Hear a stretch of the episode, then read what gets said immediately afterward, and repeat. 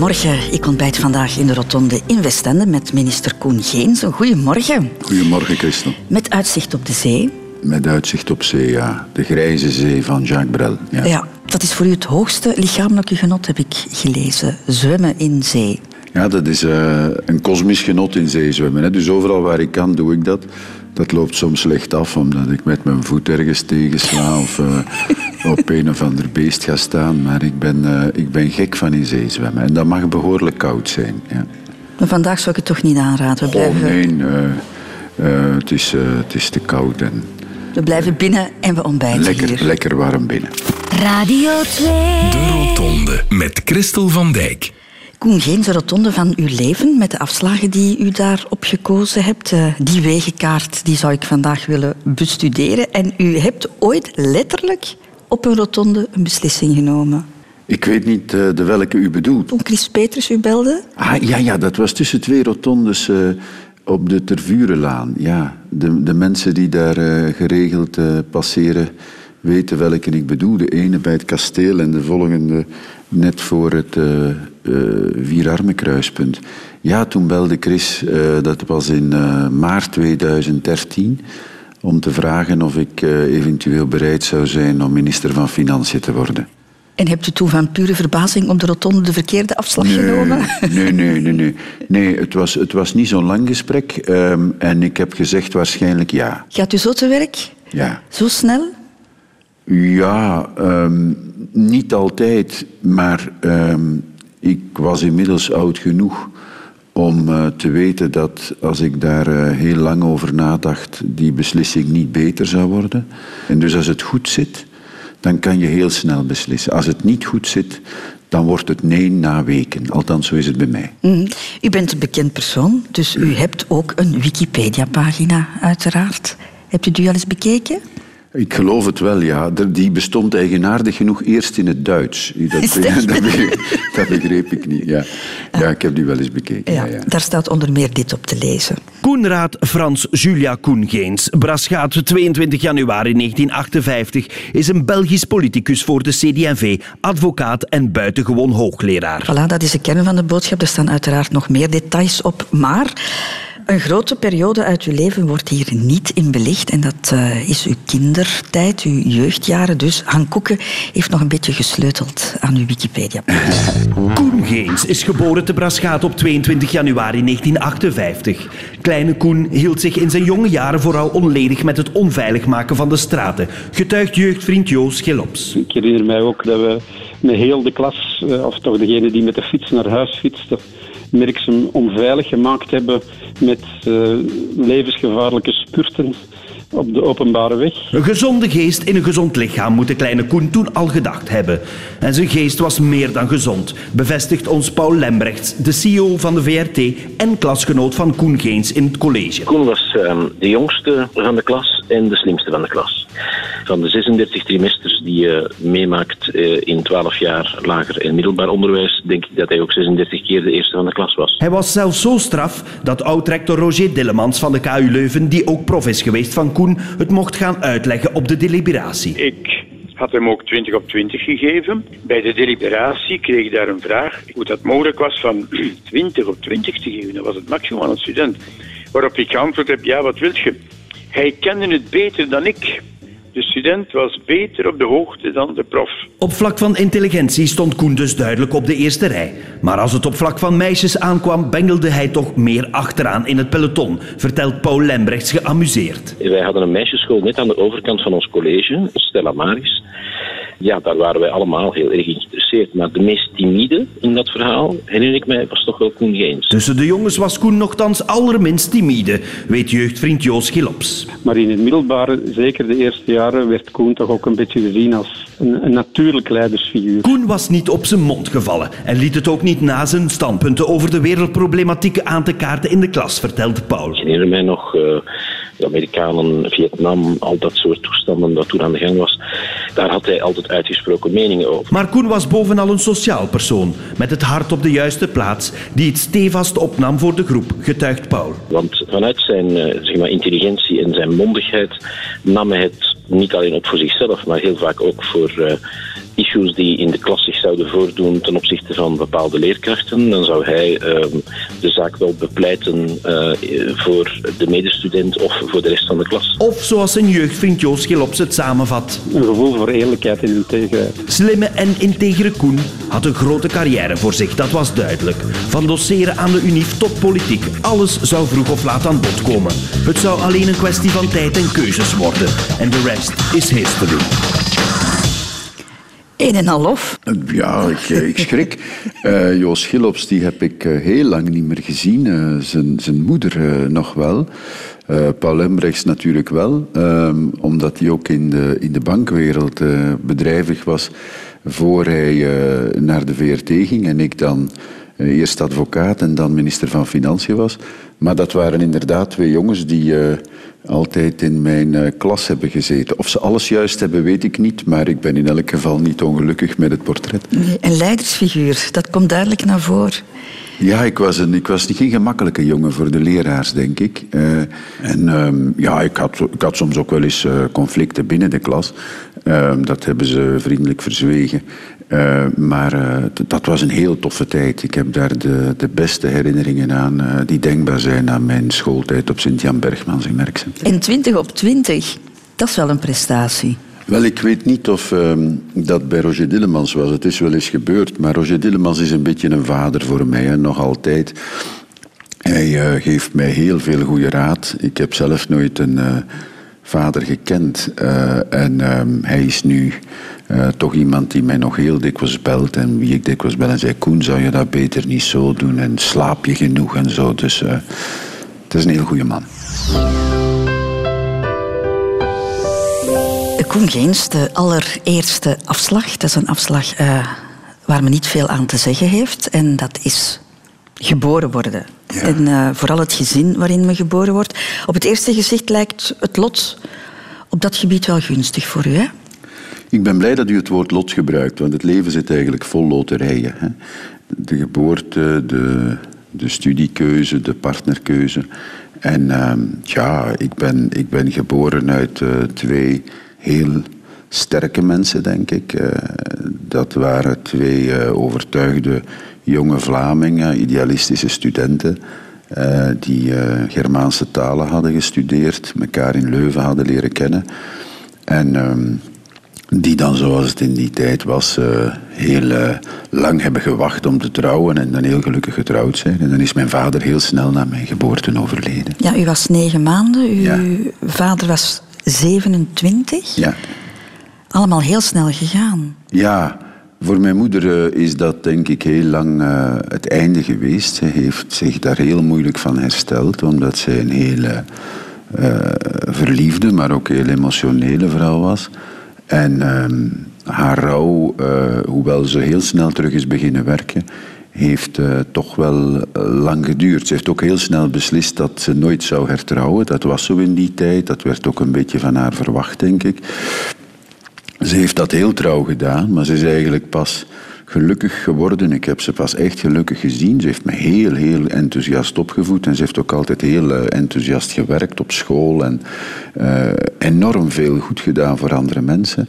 Maar echt gelukkig heb ik ze pas geweten toen ze oud was, uh, samen met andere weduwen. Omdat ze terug het uh, grappigste meisje in de klas kon zijn. Hè, terwijl in de jaren voordien was ze geamputeerd. Ja, ik heb les van haar uh, gekregen. Ja. was een, een, een, hele fijne lerares. Maar een beetje, er hing een zweem van weemoedigheid ja.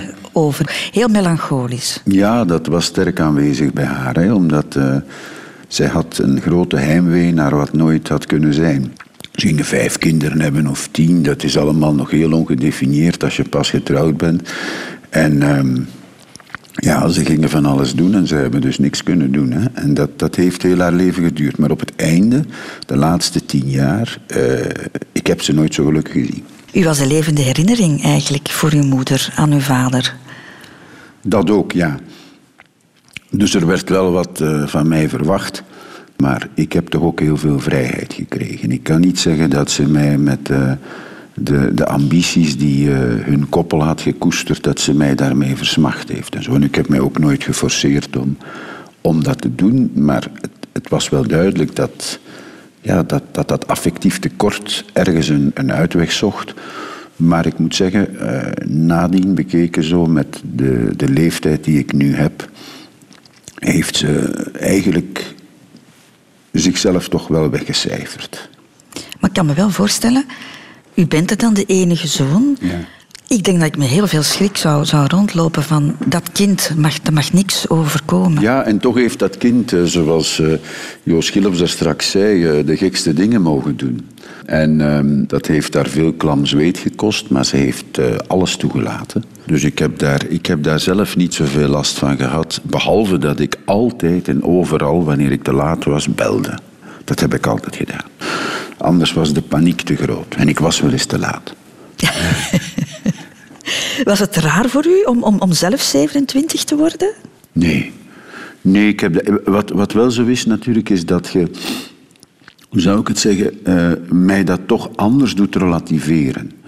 Ik, ik ben uh, behoorlijk ambitieus en ik, ik uh, wil heel graag sterk aanwezig zijn in het leven van anderen. Hè. Maar het feit van drie gezonde kinderen te mogen hebben en zo, dat, dat overweegt. Omdat je toch wel altijd die reflex hebt van we zijn er allemaal en we zijn allemaal uh, gezond. En ik denk dat ik dat meer heb nog dan sommige andere mensen daardoor. Omdat het zo broos is. Hè. Het kan van vandaag op morgen weg zijn.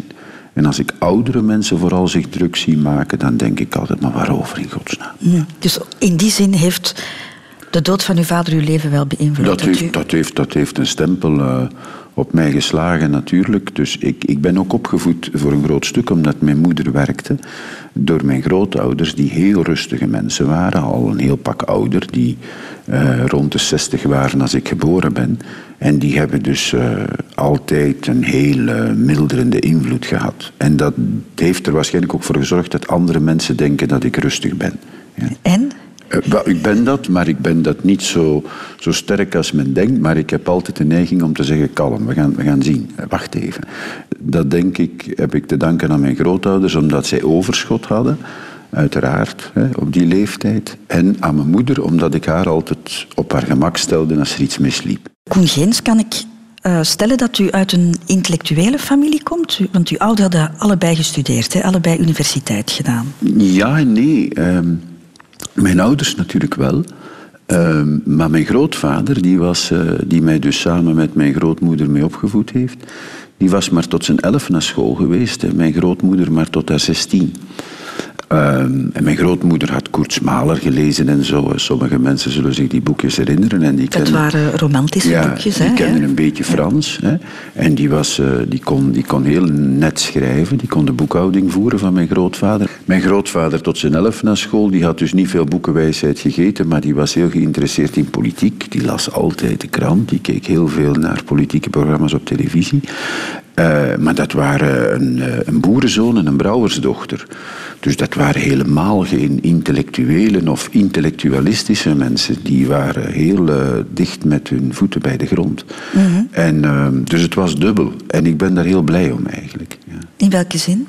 Wel, um, omdat het niet zo was dat wij opstonden en uit Rilke begonnen te citeren of uh, uh, Guido, Guido Gezelle begonnen na te apen. Hè.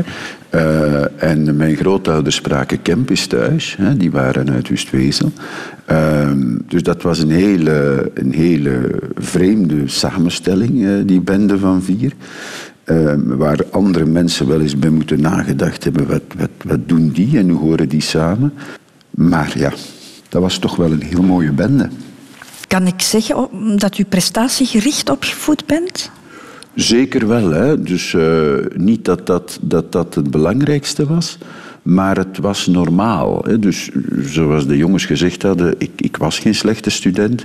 En dus vonden ze dat normaal. En ik ook. Ik moest maar doen wat ik kon. Hè?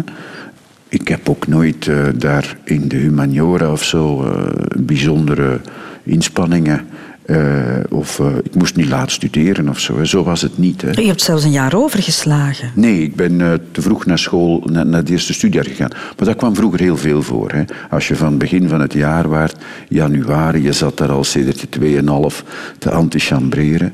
ik, kon, ik, kon niet, ik kon niet knutselen, ik kon niet tekenen. ik was er allemaal heel slecht in, dus ik verveelde mij, zegden ze. en dus hebben ze mij dan maar naar het eerste studiejaar gestuurd. Maar dat kwam heel veel voor. Mm. Maar u was heel verstandig. Hè? Dat... dat weet ik niet, maar ik, ik leerde gemakkelijk. Maar waren er ook geen momenten dat u zich verveelde op school? Nee. Nee, nee, daarvoor was mijn school veel te spannend. Daarvoor spraken we te veel over politiek, over voetbal, eh, over allerlei dingen die uh, ertoe deden. Ik kan me voorstellen, als je zo verstandig bent, want het kwam wel uit die Wikipedia-pagina naar voren, dat, je, ja, dat het misschien allemaal te gemakkelijk was voor u, maar dat was het niet. Ik heb dat zo niet aangevoeld, nee. Ik was... Uh, ik was, ik was misschien wat jonger, hè, dus er werd gezegd dat ik timide was tegenover de meisjes, maar ik denk niet dat dat zo dramatisch was, maar ik kwam nauwelijks boven de aarde uit toen sommige van mijn klasgenoten al een meter tachtig waren. Hè. Ik ben laat gegroeid. Um, en uh, misschien is daar wel wat uh, energie in gekropen. Verweerde ik mij ook harder, want ik was onze kleine in de eerste jaren van de humaniora. Dan zeggen ze, waar is onze kleine? En dan kwam ik eraan gedroppeld. Um, maar um, dat is geleidelijk aan gelukkig veranderd. Ik ben pas gegroeid eigenlijk in de laatste twee jaar en nog na de, na de humaniora. Maar um, dat was... Uh, uh, ik, ik, had niet het gevoel van, van, van mij uh, te vervelen. Het, het, het, probleem van, van begaafdheid en, en school werd... In, er zaten in mijn klas enkele heel knappe ingenieurs. Die zullen misschien uh, veel meer dat gevoel hebben gehad... omdat zij niet zo betrokken waren op het dagelijks rijlen en zeilen van de school en van de politiek en van de sport. Maar ik heb mij ongelooflijk geamuseerd op de middelbare school. -hmm. Was het voor u een doel om eerste te eindigen? Nee. nee dat overkwam dat, u gewoon? Ja, wel, dat, dat, was, dat was vroeg zo. Hè. En als dat zo is en dat blijft zo, dan stel je je daar heel weinig vragen bij. Het was ook niet zo'n... Uh, het, was, het was niet de meest prestigieuze school van, van heel Antwerpen of zo. Het was gewoon het Sint-Jan Bergmans College in Merksem. Een heel goed. Mm -hmm. Maar had u kunnen leven met een tweede plaats? Ja, dat denk ik wel. Ja. Ik denk trouwens dat ik... Uh, in mijn leven uh, soms niet de eerste ben en daar uh, vrij behoorlijk uh, mee overweg kan. Ja. In voetbal was u niet de eerste, heb ik gehoord. Nee, maar ik deed het wel heel graag. Wij hadden een B-ploeg ja, en ik speelde dus in de B-ploeg. en opnieuw, mijn lichamelijke kracht schoot in het begin tekort, maar na verloop van tijd werd dat beter.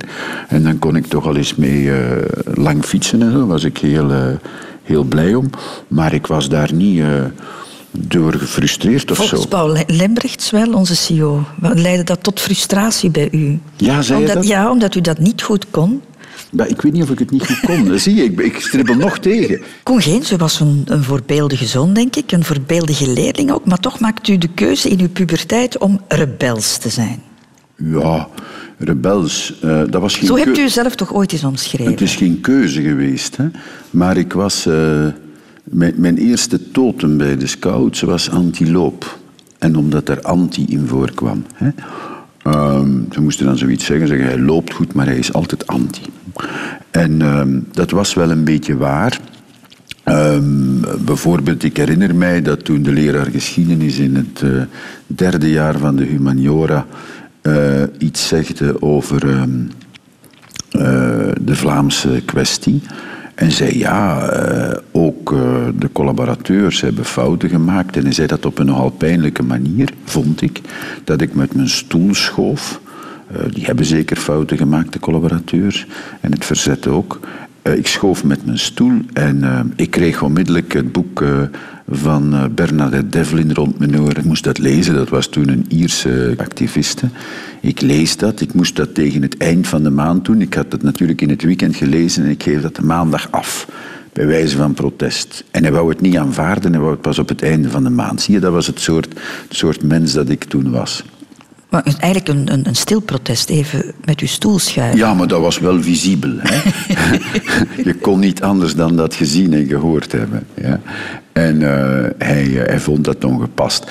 Het was van zijn kant ook een overreactie. En dat was niet toevallig, want hij, hij, hij dacht dat er meer ging komen. Dus Mhm. zo zat ik wel wat in elkaar. Maar u had eigenlijk al een grote mond dan, Ja, ja, tijdens ja, het middelbaar zeker onderwijs. Wel, Zeker wel. Ik heb ooit eens een leraar horen roepen op de speelplaats: Jij denkt zeker dat je hier alles moogt. Maar wat deed u dan precies? Gekke dingen. Ik, ik denk dat ik het onlangs eh, al eens verteld heb, omdat je Paul Lembrechts hebt laten horen. Wij hebben eens eh, eh, een aantal deuren uit de klas gehaald tijdens de onderbreking. En dat, ik denk wel dat het mijn idee was. En ehm, ja, daar stonden die klassen dan, hè, die moesten terug beginnen en de deuren waren weg. En al die leraars hoorden elkaar en eh, wisten niet wat er gebeurd was, enzovoort. En eh, ja, daar waren een paar mensen die dat, die dat in gang gezet hadden. Ik denk dat we toen, als we tien jaar teruggegaan waren, waren we buiten gevlogen. Maar dat, dat was in onze tijd niet meer aan de orde. Dus we hebben, we hebben dat met een heel zware retenue bekocht. We maakten ook schoolkrantjes. Hè. En daar Dus, eh, schreef u in, hè? ja, ja. Bijvoorbeeld eh, tegen de, de, de, de promotie aan hadden we een zeer, zeer kritische schoolkrantje geschreven. Dus in ons laatste jaar, waar we eens alles gezegd hadden wat we dachten. En we hadden het op voorhand aan de directeur gegeven, die een heel breed denkende man was. En ehm, die heeft dan, eh, toen hij ons toesprak, met onze ouders erbij, gezegd dat hij dat schoolkrantje gekregen Want we wilden dat verdelen aan de uitgang. En dan heeft hij zo, zo mooi gesproken dat we het niet gedurfd hebben. Ja. Dus eh, gemakkelijk eh, was ik niet. Eh, de 30 miljard bijvoorbeeld, dat was toen de grote kwestie van Van den Boeinans. Ja, daar schreven wij dan voor- en tegenstandpunten in. De 30 miljard. Dat was de investering van Defensie in de vorige generatie vliegtuigen. We zijn nu weer bezig met militaire vliegtuigen. Die van toen, die toen besteld zijn, die vliegen nog altijd. En de linkerkant van de school vond dat die niet moesten besteld worden en de rechterkant wel. En ehm, ja, dan werd er betoogd en de lessen stilgelegd en dan moesten we eh, daarover debatteren. Dat was, dat was een heel eh, boeiende periode. En was u een van de leiders dan? Ja, maar daar stond ik weer in het midden. En dat is nog altijd en dikwijls mijn positie. Dus, Dus ik- u was niet links, niet Nee, rechts? nee, nee. We hadden een militair kolonel, een reservekolonel die leraar was. En we hadden een aantal eh, redelijk anti-Amerikaanse leraars. En eh, nee, ik stond in het midden. Ja. Ik vond niet dat, dat, eh, dat het zo eenvoudig was om daar eh, A of B op te zeggen. Dat had ik toen al. Werden de leraars soms niet zenuwachtig van u? Zeker wel, ja. Zeker wel. En kwam het dan niet klagen bij u thuis? Kreeg u geen mijn, mijn, aantekeningen? moeder, mijn moeder kreeg wel eens, eh, kreeg wel eens opmerkingen in de zin van... eh, Koen moet leren positief kritisch te zijn. En waarmee men wou zeggen, hij moet zijn, zijn kritische energie omzetten in wat meer positiviteit. In plaats van te zeggen, dit is niet goed, moet hij zeggen, maar het zou beter kunnen. En dat hebben ze mij wel geleerd, denk ik. Koen Geens, u gaat na het middelbaar onderwijs rechten studeren.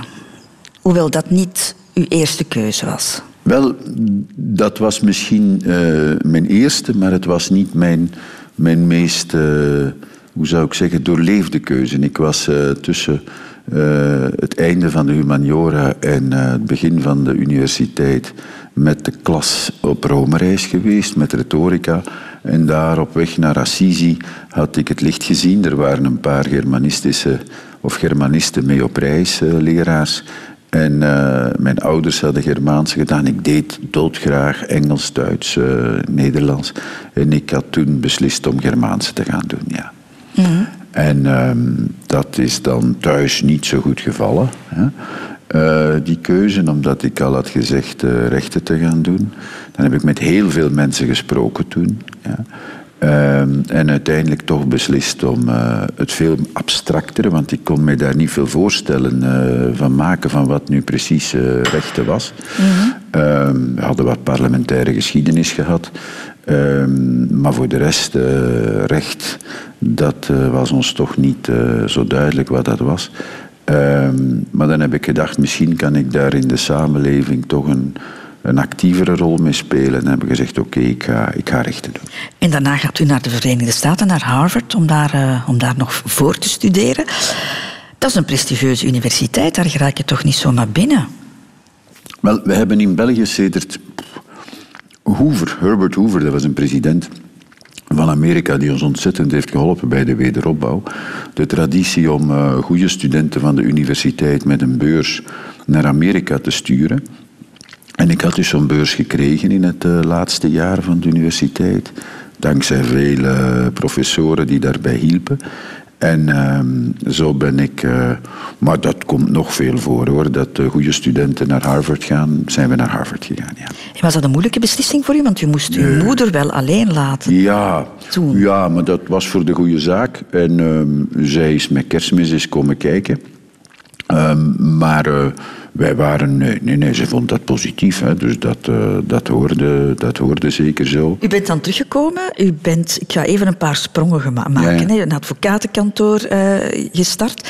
Maar die academische wereld, die universiteit, heeft u altijd wel blijven boeien. Hè? Want ja. U bent hoogleraar, hè? Ja. maar op een bepaald moment wou u ook rector worden. Ja. De baas van de, van de universiteit. En u dacht dat ook dat dat zou lukken. Wel, als je aan iets begint, uh, denk je altijd uh, dat dat zal lukken, anders begin je er niet aan. Maar ik heb dikwijls gezegd, het is eigenlijk de enige keer in mijn leven dat ik het toeval niet heb laten beslissen. Ja? Um, want de meeste dingen die ik voordien geworden ben, dat was een beetje bij toeval. Hè? Dus ik uh, besliste om toch maar een, een doctoraatsthesis te schrijven. Ineens verlaagd de pensioenleeftijd voor professoren met vijf jaar. En ik kom dus aan de bak voor mijn dertig. Terwijl ik anders zeker langer had moeten wachten en misschien zou weggegaan zijn.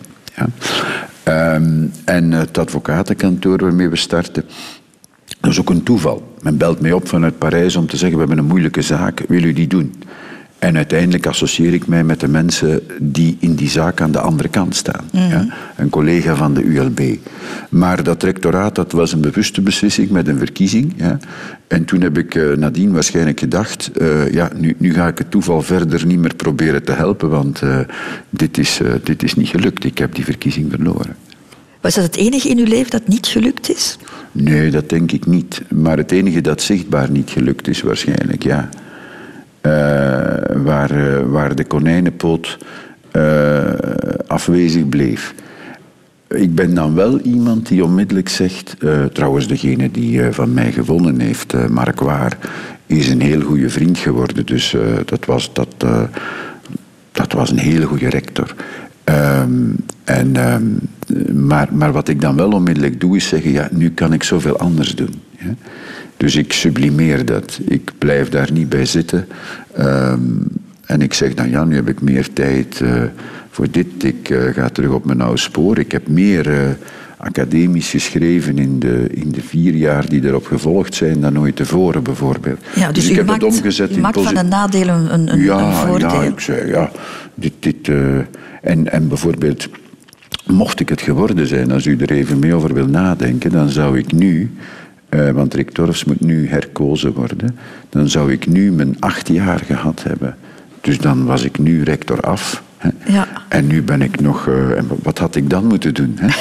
en uh, nu ben ik eigenlijk nog volop bezig. Dus, maar het moet toch een ontgoocheling voor het u Het was een ontgoocheling, oh ja. Ja, vooral omdat het, het, het, een verkiezing, dat is altijd zo tussen twee. Daar zijn prachtige boekjes over geschreven, over verkiezingen in, in colleges in Engeland of aan universiteiten. Dat is politiek zoals elke andere politiek.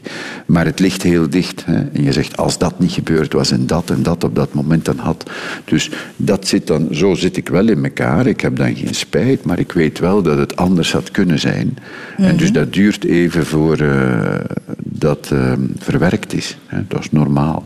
Maar ik was, uh, ik was gelukkig met alle andere mogelijkheden die zich openden en de vrijheid die ik opnieuw had. Die ben ik nu natuurlijk opnieuw kwijt. Ja. Maar ik ben vier jaar langer vrij geweest. Mm. Hoe zegt u het ook alweer tegen uw kinderen? Het komt allemaal wel goed, met Komt geduld en boterhammen. Met geduld en boterhammen, ja. Voilà. Het is ook goed gekomen. En uh, met boterhammen ook, ja.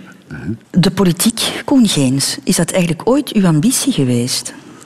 Het zit wel een beetje in mij om, om um, te willen sturen en wat wij op school leerden, de wereld meer bewoonbaar te maken. Dus de maakbaarheid van de samenleving. U wordt eerst kabinetchef van, Ja. uh, van Chris Peters, maar toen kreeg u dus de vraag om minister van Financiën te worden, om, om Steven van Akkeren op te volgen. En u hebt heel snel beslist dan. Ja, ik heb toen snel beslist om uh, ja te zeggen. Ehm, omdat ten eerste ik bijna geen tijd kreeg. Hè. En ten tweede... Ik vind eh, dat zo vreemd. Dat is zo'n belangrijke beslissing. Dat moet dan zo snel, snel, snel gaan. Ja, ja dat eh, op een bepaald moment, dat zie je wel als je zelf in de politiek zit, is zo'n besluitvormingsproces binnen een partij eh, en binnen de top van een partij rijp.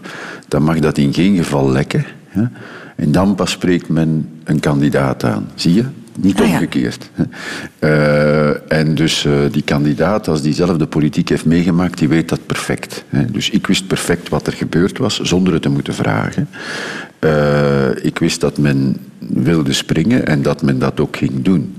Eh, Wist men dat men u ging dat vragen? weet ik Had- niet. Dat weet ik niet. Dat, dat moet je aan hen vragen. Dat Nee, maar wist u het? Had u een Nee, vermoeden ik had geen van... enkel idee. Nee. Dus u was heel erg verbaasd met ik die was, telefoon. ik was, ik was eh, verbaasd over eh, de timing en over de vraag aan mij. Ook omdat ik was vier jaar uit de politiek. Hè. Eh, dus ik had mij daar niet meer aan verwacht ehm, dat die vraag zou komen. En, ehm, maar ik wist wel dat het op dat ogenblik dringend was. En of je er dan drie weken over nadenkt of 24 uur, dat maakt niks uit. Ja, maar een, een ja of een nee was in die zin belangrijk, omdat u ook... U was advocaat, u had een bloeiend advocatenkantoor en u moest daarmee stoppen. Ja, nu, dat zou ik ook eh, moeten doen hebben als ik rector zou geworden zijn. Hè. En dus ik eh, was oud genoeg en dat advocatenkantoor bestond inmiddels twintig jaar om te weten dat als het dan niet zonder mij voort kon, eh, dat het ook later niet zonder mij voort zou kunnen. Hè. Hebt u de lonen vergeleken? Nee. Het loon dat u als advocaat verdient en het loon van een minister? ik, ik wist dat ongeveer. Hè. Dus ik, eh, mijn, mijn schoonvader is altijd in de politiek geweest. Ik ben kabinetchef geweest. Jos Dupré was ja, uw schoonvader, Ja, ja. ik, wist, ik wist dat we op een wedde van minister eh, met ons tweeën heel, heel, heel, heel goed zouden kunnen overleven. Dat zou geen probleem zijn. Nee, Dus- maar u moest financieel wel inboeten. U Ja. verdiende toch meer als advocaat? ja, natuurlijk, maar dat, dat. Ik ben niet onverschillig voor geld. Ik denk dat er weinig mensen dat zijn. Maar ehm, dat was echt het punt niet. Dan moest u thuis ook nog verkocht krijgen, hè? Ja, mijn vrouw dacht dat ze met een andere man dan haar vader getrouwd was. Maar heeft geleidelijk aan ondervonden dat ik er toch veel sterker op geleek dan ze hoopte. En dus, eh, ik zeg niet dat ze een gat in de lucht sprong. Toen ik het haar eh, vertelde, en ik heb haar onmiddellijk gebeld natuurlijk, en ze zei, ah ja. Maar ze wist ook wel dat ik zo in elkaar zat dat ik daar niet nee op kon zeggen. Hebt u er ook rekening mee gehouden dat u vanaf die dag een zichtbaar persoon zou worden? Wel, ja, maar je weet niet dat dat zo erg zal zijn. Dat kan je je niet voorstellen. Dus dat moet je toch meemaken. Ik weet nog dat we de eerste zaterdag, nadat ik, eh, ik denk dat ik op een dinsdag de eten heb afgelegd, dat we om te bekomen samen in Brussel in een restaurant iets gingen eten. En dat viel eigenlijk niet mee. Nee? Nee, omdat, omdat ja, je bent die week heel veel in de pers, onvermijdelijk, want iedereen wil foto's van je en eh, toont die op alle mogelijke momenten. En plots eh, waren we niet meer eh, niemand. Hè. En ehm, de eerste keer kwam dat, eh, kwam dat wat vreemd aan. Maar je leert daar, eh, je leert daar heel snel eh, mee omgaan. En u draagt een pet ook altijd, hè? Alleen dan het- verstopt, dan verstopt alleen- u zich ook alleen- een beetje onder die pet, denk alleen, ik. In alleen in de winter overigens. Hè. Maar in de winter, als het koud is, moet ik dat doen of ik heb een verkoudheid. Ja. Ja. Dat heb je met zo'n hoofd. U was heel populair als, als hoogleraar. Hè? U- Ja. Uw aula zat altijd vol. Als advocaat hebt u grote successen geboekt. En nu moet u plotseling ook rekening houden met het feit dat, dat men in de politiek niet altijd schouderklopjes krijgt. Nee. Was dat moeilijk? Nee, ehm, ik kan daar wel tegen ehm, dat het er soms hard aan toe gaat. Ik had met de pers bijvoorbeeld ook al wel wat ervaring als, eh, als advocaat in, in moeilijke mediatieke zaken. Maar ehm, heel snel weet je ook dat je het daarom niet moet doen. Hè. Dus dat wil zeggen, eh goede pers is meegenomen, slechte pers is vervelend.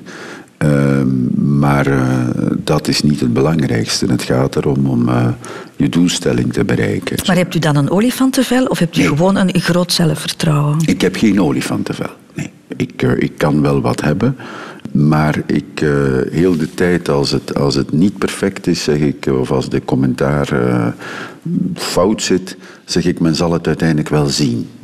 En morgen komt er weer een dag. En dat klopt ook altijd. De liefde, Koen Geens, dat is een heel belangrijke afslag in het leven. Hè. Het kan Ja. iemand heel gelukkig, maar ook heel ongelukkig maken. Hè. Ja. Eh, aan welke kant zit u op dat gebied? Maar ik denk dat ik aan de goede kant zit. Maar dat ook. moet je natuurlijk ook aan mijn vrouw vragen. Maar ehm, ik zei het er straks al, hè, eh, het gezin waarin je valt, eh, de vrouw waarvoor je valt en de studiekeuze die je maakt, zijn drie loterijen die je heel jong dikwijls onbewust maakt.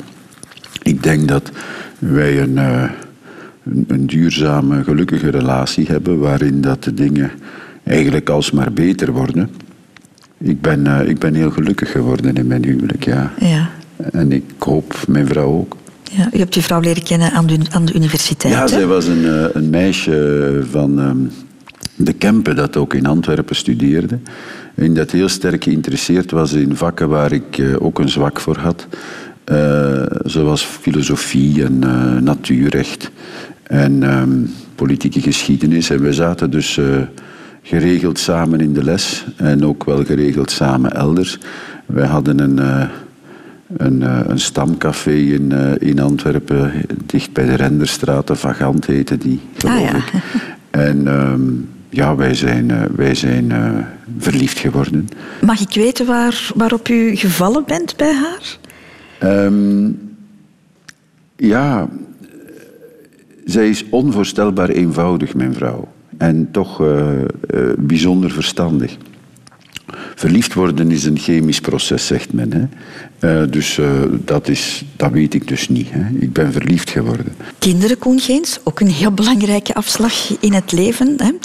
Je was zelf enig kind, maar je hebt zelf drie kinderen. Ja, ehm, we hadden geen vast idee van hoeveel kinderen we wilden, denk ik. Maar ehm, ik heb zelf altijd het gemis van broers en zusters heel sterk aangevoeld. Hm, U was 25 toen uw eerste Ja. kind geboren werd. Ja. Vrij jong toch? Wij waren jong, ja, we waren jonge ouders. Ehm, en we hebben al onze kinderen gehad voor we, voor we dertig waren. Dat heeft denk ik grote voordelen, jonge ouders, maar dat heeft wellicht ook eh, grote nadelen. Wij keken niet zo nauw. Hè. Eh, ik was vrij streng, denk ik. Dat moet je ook aan hen vragen. Maar ehm, wij waren niet eh, overdreven begaan met onze kinderen. Misschien te weinig. Hè. Maar eh, dat is allemaal vrij goed gekomen. Wij hebben ja, drie heel toffe kinderen, maar dat is ook meer geluk dan wijsheid. U bent zelf ehm, redelijk prestatiegericht opgevoed. Hebt u dat ook doorgetrokken naar uw eigen kinderen? Ik denk wel eens dat ik een enkele keer met een van de drie kinderen heb gesproken om te zeggen, ja, er is plus et en vous. Hè. Ehm, Je kan meer, er zit het meer er- in... in Haal het er nu maar Ja. uit, want eh, je kan niet blijven eh, eh, op je lauweren rusten. Maar in het algemeen hebben we dat niet echt moeten doen, omdat het heel... ja, een kind is ook wat het is. Hè. Ik zie dat nu bij mijn kleinkinderen. De ene is competitief, de andere is dat niet. Vanaf de geboorte, bij wijze van spreken. Hè. Er zijn er die niet anders kunnen dan willen winnen. En er zijn er die zo... Eigenlijk is dat zo belangrijk niet. Hè. Dus een kind is wat het is. Maar ze trekken alle drie, eh, of ze gelijken alle drie nogal sterk op hun ouders. Ja, Ja. En was er ook iemand bij die, net zoals u, altijd wilde discussiëren? En... ja de zoon, ja. Ja. En, en de, de tweede dochter. Eh, mijn tweede dochter trekt qua karakter in een bepaald opzicht eh, het meest op mij. Dus die zal heel gemakkelijk in discussie gaan.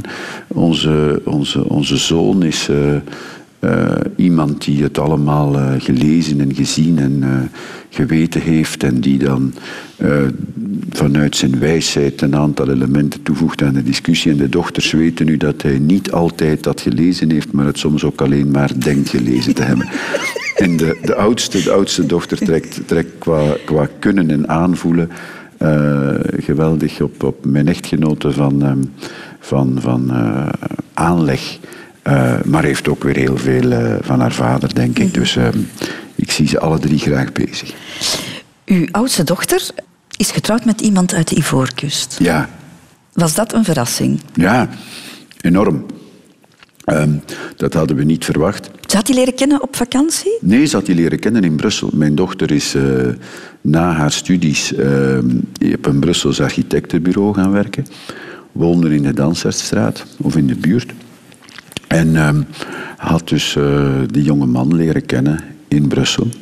En uh, kwam daar dus mee thuis. En dan hebben we even geslikt en zijn we overgegaan tot de orde van de dag. Maar toch even geslikt. Ja, ik denk dat dat niet eerlijk zou zijn om te zeggen dat we dat niet gedaan hebben. Hè. Uh, omdat je zegt, ja, wat, wat haar toekomst zal daardoor niet vergemakkelijken. Hè. Uh, In welke zin? In de zin van mensen denken daar iets over. Uh, die man heeft ook zijn thuis achtergelaten, dus zal natuurlijkerwijze af en toe uh, heimwee hebben naar die voorkust. En dus uh, dat is niet. ik heb daar een ontzettende bewondering voor, voor wat ze doen. Hè. En voor mijn dochter nog het meest. Voor hem ook, omdat hij zich helemaal moet integreren in een andere samenleving. Maar ze doen dat uitstekend en het is een heel tof koppel. Ja. En een heel toffe schoonzoon. Dus. Heeft dat huwelijk u ook politiek beïnvloed? Nee. Op het gebied van migratie, multiculturele samenleving? Niet, niet overdreven. Ik heb, ik heb wel gezien wat het is. Uh, van redelijk dichtbij en het dus uh, misschien beter uh, begrepen dan anderen. Hè. maar wat doet die man nu? Hè? dat is een psychiatrische verpleger, waar er enorm tekort is. Dus uh, hij, uh, hij doet dat uitstekend en die patiënten, denk ik, zijn niet uh, ongelukkig met hem. Hè? Integendeel. Dus los van, van, van, van dit koppel en ik leg dat altijd uit aan de mensen wanneer ik ergens ga spreken. morgen gaan er meer mensen op pensioen en met morgen bedoel ik echt vandaag, hè, dan er mensen bijkomen op de arbeidsmarkt. Hè. En wij worden niet jonger. Hè. Dus uh, wie gaat er voor ons blijven zorgen? Hè? En dus we hebben wel een, een, Men kan dat controleren, men kan dat uh, afhankelijk maken van diploma's enzovoort. Daar kan allemaal, wat mij betreft, over nagedacht worden. Uh, maar wij hebben migratie nodig. Wij voorzien niet in onze eigen opvolging. Moeten al naar de allerlaatste afslag van het leven, Koen Geens, en dat is de dood. U bent eind 50 nu, dat is nog jong, maar bent u er al mee bezig? Ja en nee. Uh, door mijn speciale gezinssituatie heb ik al heel wat mensen zien sterven. Hm? Omdat ook uh, de groottantes en de grootnonkels zich allemaal met mij hebben ingelaten, heb ik mij soms ook met hen ingelaten, hè, als ze wat ouder werden. Uh, mijn eigen grootouders, mijn moeder. Ja, want u bent bij uw grootouders opgevoed. Ja, dus, ik... dus toen die stierven, was dat eigenlijk een beetje, denk ik dan toch voor u, van een, een vader en een moeder? Ja, dat was zo. Afgeven. Ja. ja, zeker nog bij mijn grootvader, omdat er eigenlijk maar één hè, vader was. En daar hield ik ontzettend veel van. Maar ik heb hen dus uh, weten sterven. Hè. En ook mijn... Uh, uh, grootnonkel en een uh, groottante die ik heel graag zag dan mijn eigen moeder. Dus de, dood is voor mij iets dat, ik zeg niet vertrouwd is. Mijn vrouw is ook uh, heel lang werkzaam geweest in, in palliatieve zorg. Dus wij hebben er wel al heel wat over, over gesproken. Maar um, wat mezelf betreft heb ik er nog niet te veel over nagedacht. Dan dat als ik er uh, over nadenk wat gebeurt, ik altijd zeg, ja, je moet, je moet leven alsof je op elk moment kan sterven en tezelfde tijd alsof je nooit zal sterven. Ja? Dat helpt mij wel um, bij het relativeren van dingen. Um, maar uh, persoonlijk heb ik nog niet geleden. En dus ik durf daar ook niet heel veel over zeggen, want het is gemakkelijk daarover te praten als je er niet echt zelf mee geconfronteerd bent. Als u zegt, uh, het kan morgen gedaan zijn, denkt u dan ook dat het gedaan is dan? Um, ik leef met de gedachte dat dat uh, waarschijnlijk zo is, ja. Dus uh, de, de idee van vroeger, hè, um, van het hoeft hier zo goed niet te zijn. want later kom ik toch in een hiernamaals dat veel beter is. Daar ga ik niet van uit. Ehm, dat wil niet zeggen dat ik geen hoop heb uh, daarop. Hè. Maar uh, ik zal niet zeggen dat ik dat uh, elke dag geloof. U dus, houdt rekening mee dat het zou kunnen zijn? Het zou kunnen en het zou niet kunnen. Hè. En dus ik heb de neo-Darwinisten gelezen, sorry voor dat geleerd woord, en de creationisten. En ik weet het niet, het is een kwestie van geloof. En dat geloof is een genade. Dat is gemakkelijk gezegd, maar het is zo. Hè? En dat komt mij wel eens voor, maar niet elke dag en zelfs meestal niet. U bent uw mama ook uh, een kleine twee jaar geleden verloren, hè? Ja. Was dat totaal onverwacht? Ja, dat was totaal onverwacht. Ja. Um, en dat was uiteindelijk wel goed, maar dat was toch heel, uh, heel uh, moeilijk. want zij was, gelet op al haar uh, ouderdomsmankementen bijna 85 en mentaal en, geestelijk zeer sterk. En een hele grote steun nog voor ons gezin. En dus dat is ons overkomen omdat ze plots uh, diarree gekregen heeft. En twee dagen later is in het ziekenhuis uh, totaal onverwacht gestorven. En uh, dat, dat hebben we niet zien aankomen. Maar ik denk dat ze er klaar voor was. Waarom denkt u dat? Ja, omdat ze gelukkig was. En dus uh, ze had zeker heel veel gepiekerd over de dood. Heel veel gelezen. We hebben ook veel teruggevonden in haar uh, typisch wat verwarde bijgehouden notas. Zo. Maar uh, ze, door haar situatie was ze nooit de echte vragen in het leven uit de weg gegaan. Dus ze had vroeger nagedacht dan de meeste mensen, denk ik. En ehm, ze leek niet ongelukkig met wat ze gevonden had. En ze zou zeker op het hiernamaals iets geantwoord hebben zoals ik. Ik weet het niet, maar het zou kunnen. Is het voor u soms een grote druk geweest? U was enig kind. Hè? U had alleen de zorg mhm. voor uw moeder. U hebt heel weinig tijd als minister, uit, uiteraard. Dat is toch schipperen, denk ik, hè? Ja, dat was schipperen. We gingen er elke week naartoe. De zondagavond. En uh, dat was duur bevochten tijd soms. Maar dat was ook natuurlijk, omdat ja, we deden dat nu eenmaal. Um, en we belden heel wat in de week. Na verloop van tijd, de laatste jaren, mijn vrouw veel meer dan ik zelf. Omdat ja, in mijn uh, dagelijks schema zomaar eens bellen niet altijd zo gemakkelijk paste. Maar um, het feit van alleen te zijn met die zorg uh, was was moeilijk en ook weer niet, omdat ze, ze was heel zelfstandig. Dus ze, ze slaagde erin bijna alles alleen te beredderen. Uh, zeker alle dagelijkse dingen, de grote beslissingen van het leven.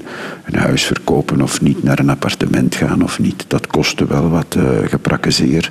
Maar uh, alle administratie en alle gewone prutsen en prullen en huishoudelijke zorg en ziekenzorg, dat deed ze allemaal helemaal alleen. Dus ze heeft u niet opgezadeld met schuldgevoelens? Nee. Nee. Nee. Toch niet naarmate ik ouder werd. Uh, wel toen ze jong ongelukkig was, omdat je dat als kind niet kan compenseren.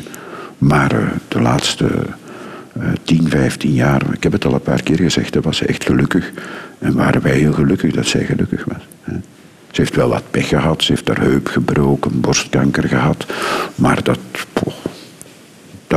dat doorstond ze allemaal. Ook in uw professionele leven bent u natuurlijk eh, op een verschrikkelijke manier geconfronteerd geweest met de dood. Hè? De terreuraanslagen, Zaventem, de metro. Ja, dat, uh, dat zijn dagen waar uh, we niet gemakkelijk met, met evenwicht aan terugdenken. Hè? Dat, toen ik die morgen om acht uur de berichten zag binnenkomen, wisten we dat het serieus mis was die, die mensen die daar het leven gelaten hebben en de, degenen die het overleefd hebben, maar met, met veel schade dikwijls, die, die zijn heel bijzonder, omdat ze eigenlijk de, de slag geïncasseerd hebben die tegen de staat gericht was, die tegen Europa en de Verenigde Staten gericht was. En die niet voor hen bedoeld was. Mhm. zij, uh, zij voelen dat aan als, uh, als heel groot onrecht. Mm En dus uh, het is heel moeilijk voor een overheid om daar correct op te reageren. En ik hoop dat we het nooit opnieuw moeten doen. Maar ik heb in elk geval heel veel geleerd van, uh, van deze ervaring. Ja, want je hebt contact gehad met de slachtoffers, uh, dus mensen die er waren, of met de nabestaanden van de slachtoffers. Ik, ik vraag me af hoe, dat je, met, hoe, hoe je naar iemand toe gaat die, die, die dat meegemaakt ja. heeft. Wel, in ons systeem is het zo, maar dat ga ik niet uitleggen, dat zij meestal naar jou komen. Hè, want ministers worden niet geacht uh, hen persoonlijk te benaderen. Dat is eigenaardig in ons systeem. Maar het is nu eenmaal zo. Maar degenen die we hebben kunnen zien, die zelf gekomen zijn of die met hun vereniging gekomen zijn, um, dat was soms heel uh, leerrijk. Soms voelde ik mij ook enorm tekortschieten. Je kan, je kan veel empathie tonen, maar het is zo moeilijk om de juiste uh, toon te vinden altijd. En uh, veel van die mensen hebben ook verschrikkelijk veel praktische zorgen die je niet zouden mogen overkomen zijn. Dus dat lijden is soms heel uh, schrijnend om te zien. Hè. En dat wordt soms niet beter met de tijd. Hè. Uh, na twee maanden, bijvoorbeeld bij de viering bij de koning, waren sommige van die mensen er zeker beter aan toe dan, dan vandaag. Omdat lijden en rouw, dat zijn uh, heel vreemde processen. Dus we doen wat we kunnen, maar we hebben het zeker niet goed genoeg gedaan. In welke zin niet goed genoeg? Op het stuk van um, empathie, op het stuk van aandacht die de overheid en de regering uh, hen uh, gegeven hebben. Uh, op het stuk van compensatie samen met de verzekeraars. Um, nogmaals, ik hoop dat er geen volgende keer komt, maar als ik er dan nog ben, en vele andere ministers ook, denk ik, dan weten we beter hoe we zoiets moeten, moeten aanpakken. Vindt u dat u zelf tekortgeschoten bent? We zijn collectief tekortgeschoten en dus ook ik. Hè. Um, ik uh, je kan niet anders dan dat voor een stuk op jezelf betrekken als je met die mensen praat. Hè. Ja, justitie heeft van alles gedaan. We hebben een slachtofferfonds uh, dat vrij behoorlijk gefunctioneerd heeft. Maar dat heel dikwijls ook zegt, we betalen niet tot we weten wat de verzekeraar betaalt. Want we komen pas in tweede orde. Ja, daar hebben die mensen natuurlijk geen boodschap aan aan dat soort uh, verhalen. Nee, ze kunnen ook niet afsluiten, omdat er nog een staartje aan hangt. Dus uh, voor hen is het heel belangrijk een nieuw begin te kunnen maken. En ik denk dat een staat in een geval als dit uh, daar uh, veel meer toe kan bijdragen dan wij gedaan hebben. Maar we hebben het gedaan door de mechanismes die bestonden fel te verbeteren. Dus we, we hebben het veel beter gedaan dan we het een jaar geleden zouden gedaan hebben. Um, maar het, het, het, was nog lang niet wat, denk ik, men in een moderne tijd van een, van een staat kan verwachten. Koen Geest is een beetje vreemd. Ik heb altijd al het gevoel gehad dat ik u een beetje kende. Hè, via uw mama natuurlijk, hè, die in de klas wel eens verhalen over u vertelde. En uh, die toen al ongelooflijk fier op u was. Zelfs als, als jongeling al. Maar ik heb vandaag u toch nog veel beter leren kennen. En ik denk ook alle mensen die, die geluisterd hebben. Dus ik wil u heel hartelijk bedanken voor dit gesprek aan de ontbijttafel. Dank je wel. Dank u. En dan zou ik nog graag hebben dat u iets in mijn gastenboek schrijft. Ja. Als dat kan. Beste Christel, de, de grijze zee, de grijze zee, vol weemoed stroomde ze ons toe op een miserige ochtend, waarop jullie erin slaagden de juiste toon te vinden om mij mijn ziel te doen blootleggen, minstens mijn binnendeur op een kier te zetten. Jullie waren ontzettend lief. Een dikke kus, getekend Koen en Griet, want mijn vrouw is hier gisteravond ook geweest. Dus veel dank.